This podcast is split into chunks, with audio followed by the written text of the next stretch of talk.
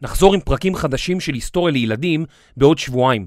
בינתיים, לכבוד יום הזיכרון לשואה ולגבורה, אנחנו רוצים להשמיע לכם פרק שמתאים ליום הזה, גם למי שפספס ולמי שרוצה לשמוע שוב.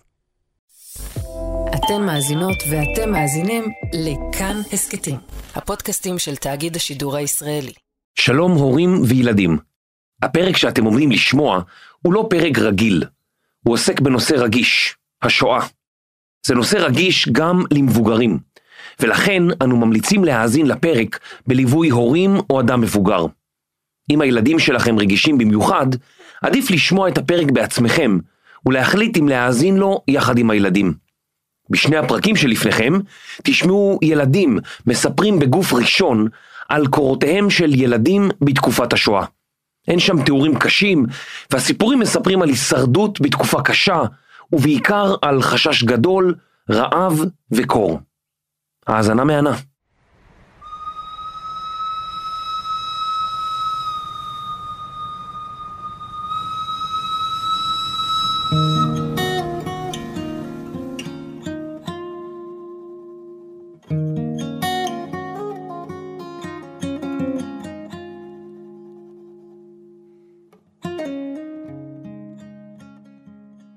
אני זוכר, מאיר בירנבוים.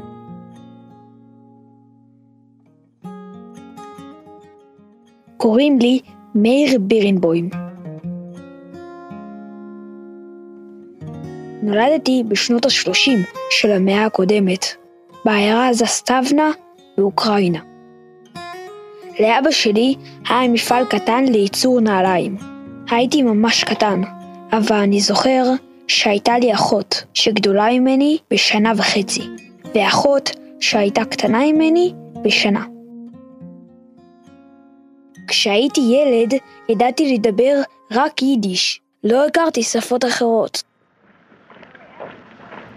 יום אחד הגיעו הגרמנים לעיירה שלנו, ואמרו לכל היהודים שהם צריכים לעבור את הנהר, בלי שום חפצים, ושאסור להם לקחת איתם את הכסף, את הזהב ואת התכשיטים שלהם. גם המשפחה שלי השאירה את כל הדברים שלנו בכפר, וחצינו את הנהר. היו שם כל כך הרבה אנשים. אבא שלי הרכיב אותי על הכתפיים, וזה היה ממש כיף. לידינו צעדו שומרים, אבל הם לא היו מהעיירה שלנו. הם אמרו לנו ללכת וללכת, וצעדנו כל הזמן. זה היה קשה מאוד. השומרים דיברו בשפה שלא ממש הכרתי, אולי אוקראינית. היו להם רובים גדולים, וממש פחדנו מהם. הלכנו המון ברגל. אני חושב שאימא שלי אמרה לי שהלכנו שלושה חודשים שלמים. בלילה ישנו בצד הדרך, בחוץ. לא היה לנו אוהל או איך להתחמם. היה לי קר. הרבה מאוד אנשים בכו, כי הם לא ידעו לאן הולכים. כל הזמן היינו רעבים, אבל לא היה לנו אוכל כמו בבית. אכלנו כל מה שמצאנו בצד הדרך. לפעמים עברנו בכפר, ואז היינו נותנים בגד לעיקר, תמורת מזון. היינו צריכים להיזהר, כי זה היה אסור, ואוי ואבוי אם השומרים היו רואים. יום אחד הביאו השומרים עגלות, והם אמרו שכל הזקנים והילדים יכולים לעלות עליה. שמחתי ממש. מאוד אהבתי לנסוע בעגלה, אבל כולם קפצו עליהן, ולא הספקתי לעלות. העגלות נסעו, ואחרי כמה זמן שמעתי רעשים ממש חזקים, כמו בומים כאלה. אף פעם לא פגשתי שוב את האנשים שעלו על העגלות.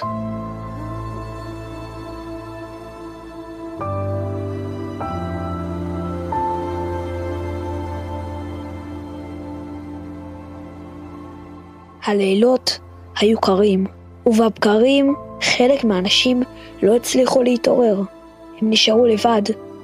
אני זוכר שאנשים אחרים לפעמים לא הצליחו ללכת יותר, וגם הם נשארו מאחור, לבד. הלכנו ממש המון זמן, ואחרי כמה חודשים של הליכה, הגענו למחנה. הרבה מאוד אנשים מהעיירה שלנו שיצאו איתנו לדרך לא הגיעו כמונו למחנה. אני לא יודע מה קרה להם.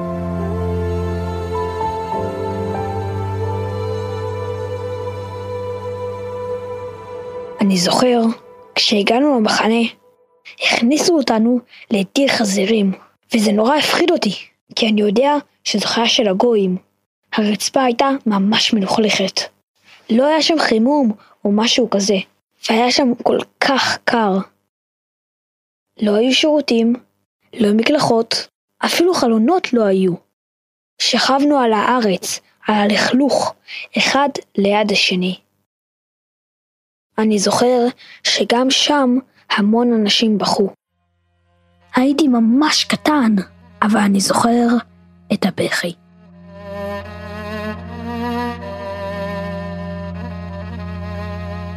די מהר החלו אנשים להיות חולים, כי כל הזמן היינו רעבים, ובכל בוקר ראיתי פחות ופחות אנשים מהעיירה שלנו. בהתחלה היו איתנו המון ילדים אחרים, אבל בסוף נשארנו רק ארבעה ילדים במחנה. אני לא יודע לאן כולם נעלמו.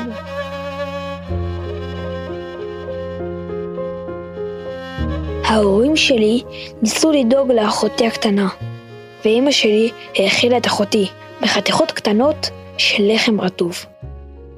בוקר אחד קמתי ושניהם לא היו, לא אבא ולא אחותי. אמא אמרה לי שאני לא אראה אותם יותר, ושאני צריך להיפרד מהם בלב. אני זוכר, הייתי רעב כל הזמן, הבטן כאבה לי מבפנים. הייתי כל כך רעב.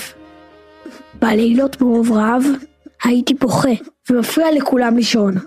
אנשים היו צועקים עליי, שאני אהיה בשקט. אפילו אמא שלי לא יכלה לעזור לי. לא היה לה שום דבר לתת לי. והיא הייתה ממש רעבה בעצמה. לפעמים מישהו ריחם עליי, וכדי לעצור את הבכי שלי, נתן לי חתיכה קטנה של לחם. אבל לפעמים לא היה מה לאכול, והבכי היה מרדים אותי. נרדמתי, והייתי כל כך רעב. בחלומות שלי ראיתי אוכל, ודמיינתי שאני אוכל ואוכל ואוכל.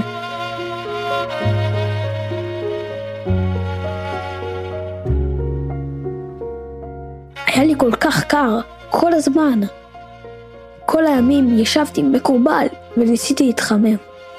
לא היה לי כוח ללכת, והתחלתי שוב לזחול כמו תינוק.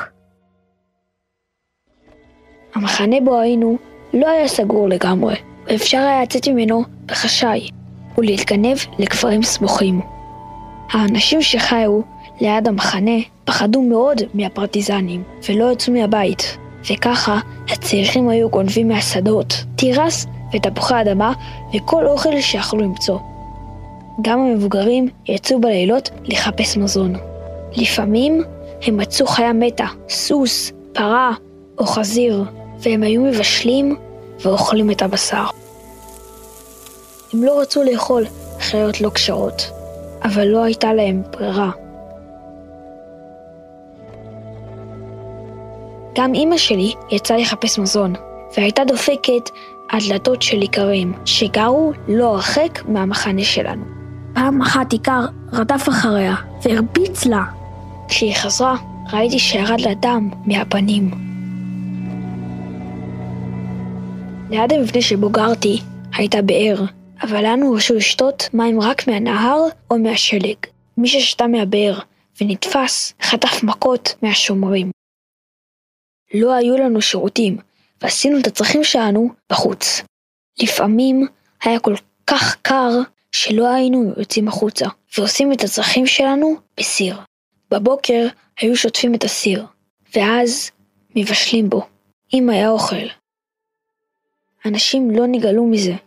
בן אדם שצריך לגנוב אוכל של חזיר, או לאכול חיה מתה שמצא בצד הדרך, כבר לא נגאל מכלום. גם אותי שום דבר כבר לא הגיל, רק רציתי אוכל, ושלא יהיה לי קר כל כך.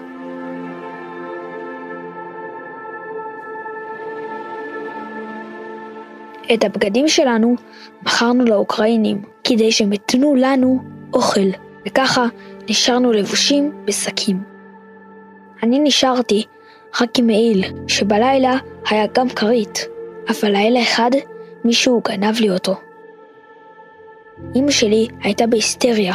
שמעתי אותה אומרת למישהו שבלי מעיל אני אמות. היא התחננה והבטיחה רבע כיכר לחם למי שיחזיר לי אותו.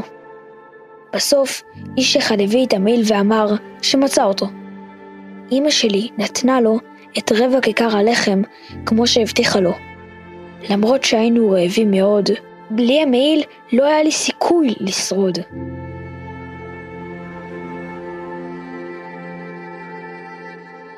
לפעמים נכנסו השומרים האוקראינים למבנה שלנו והרביצו מכות. הם לקחו מאיתנו את הבגדים שנשארו לנו. הם היו מאוד לא נחמדים. הם התייחסו אלינו יותר גרוע מלכלבים. שנאתי אותם!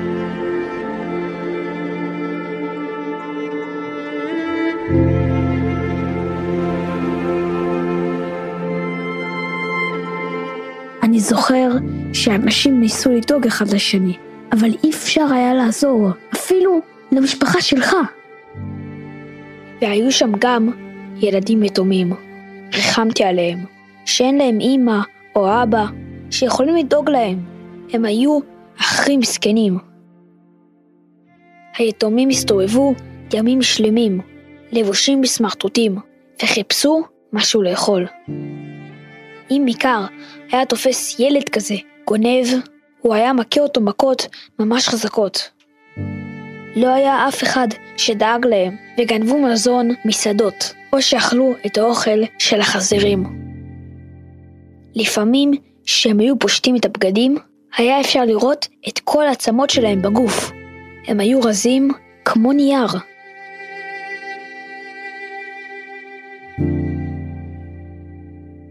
המצב שלנו החמיר מאוד בשנת 1943.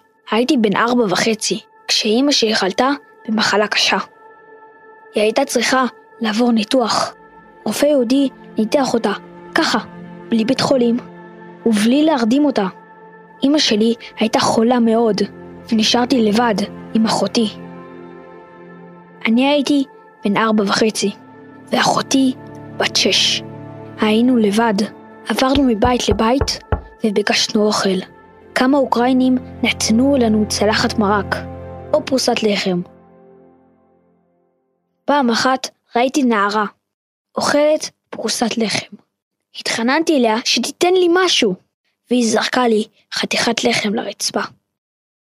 התנפלתי על הלחם הזה, כמו שכלב מתנפל על בשר. אני ואחותי היינו מלוכלכים, עם פצעים על כל הגוף. ומלאים בקינים.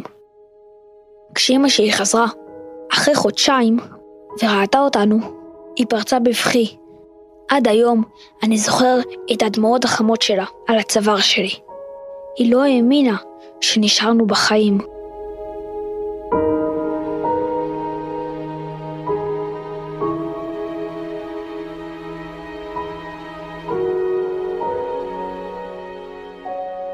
בשלב מסוים סיפרו לנו שהרוסים מתקרבים, ואז האוקראינים שחררו אותנו מהמחנה.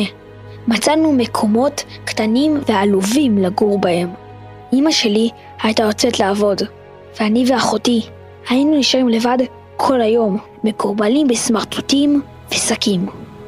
לא היה חימום, זה היה כל כך קר.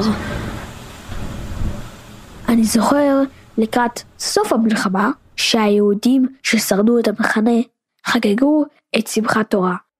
המבוגרים רקדו ובכו. כולנו שמחנו שנשארנו בחיים.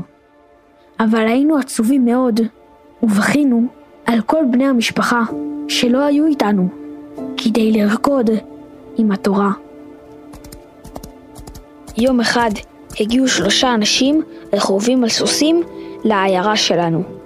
גילינו שהם סיירים של הצבא הרוסי, ואנשים רצו החוצה מהבתים כדי לנשק את הרגליים של הסוסים. גם אני רצתי, כי אמרו לי שהחיילים האלו יסיימו את המלחמה, ואז נוכל לחזור הביתה. כמה שמחתי לראות אותם. כשהצבא הרוסי השתלט על האזור, התחלנו לחזור לכפרים שלנו בשיירות. צעדנו המון המון זמן, נראה לי כמה שבועות ברגל, עם הסמרטוטים שלבשנו. שוב, לא היה לנו אוכל, ואכלנו מה שמצאנו בדרך. בלילה ישנו במחסנים או בחורשות, ורק רצינו להגיע כבר הביתה. יום אחד נכנסתי מסמר ברגל ולא יכולתי ללכת. השיירה התקדמה ונשארנו מאחור. היינו ביער גדול, ואימא שלי, אחותי ואני הלכנו לאיבוד. התחיל לרדת גשם ממש חזק. החושך ירד, והחלו כל מיני רעשים מפחידים וקולות של חיות. אמא שלי בכתה בקול רם. היא בכתה ואמרה שאולי שרדנו עד עכשיו, אבל כאן, ביער הזה, נמצא את הסוף שלנו.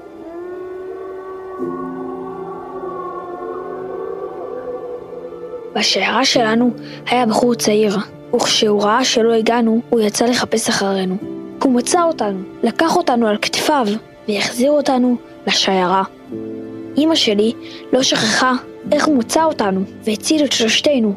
ומאז, כל יום היא הייתה מסתכלת עלינו ומברכת את זיסמן. ככה קראו לו.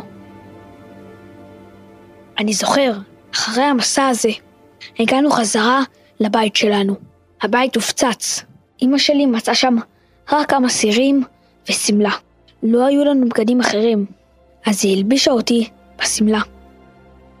אנשים אמרו עליי, איזו ילדה יפה, ואני כל כך התביישתי. במשך הרבה מאוד זמן נשארנו באוקראינה. היינו רעבים, גם שם. בסוף, כשהייתי כבר בן שמונה, נסענו ברכבת לרומניה. שם פגשנו המון יהודים שעזרו לנו ונתנו לנו אוכל ומקום לישון בו. בשנת 1951 הייתי בן 12 ועלינו לארץ ישראל. אני אפילו לא יכול לתאר לכם עד כמה השמחה הייתה גדולה לעלות לארץ ישראל. למרות שלא ידעתי את השפה, הרגשתי שהגעתי הביתה.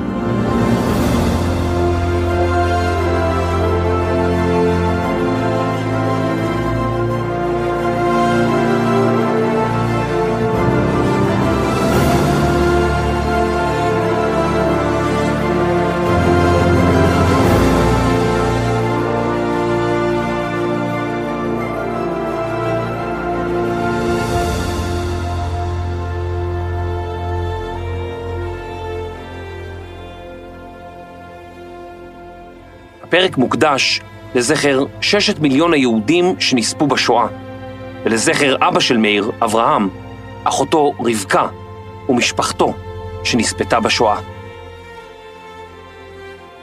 הסיפור מבוסס על זיכרונותיו של מאיר בירנבוים, תושב היישוב שערי תקווה.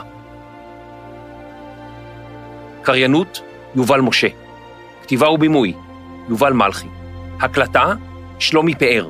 עריכת לשון, דינה בר מנחם. עריכת סאונד ומיקס, אסף רפפורט ויובל מלכי. הפקה, קטעים הפקות מקור. הפרק בשיתוף היישוב שערי תקווה.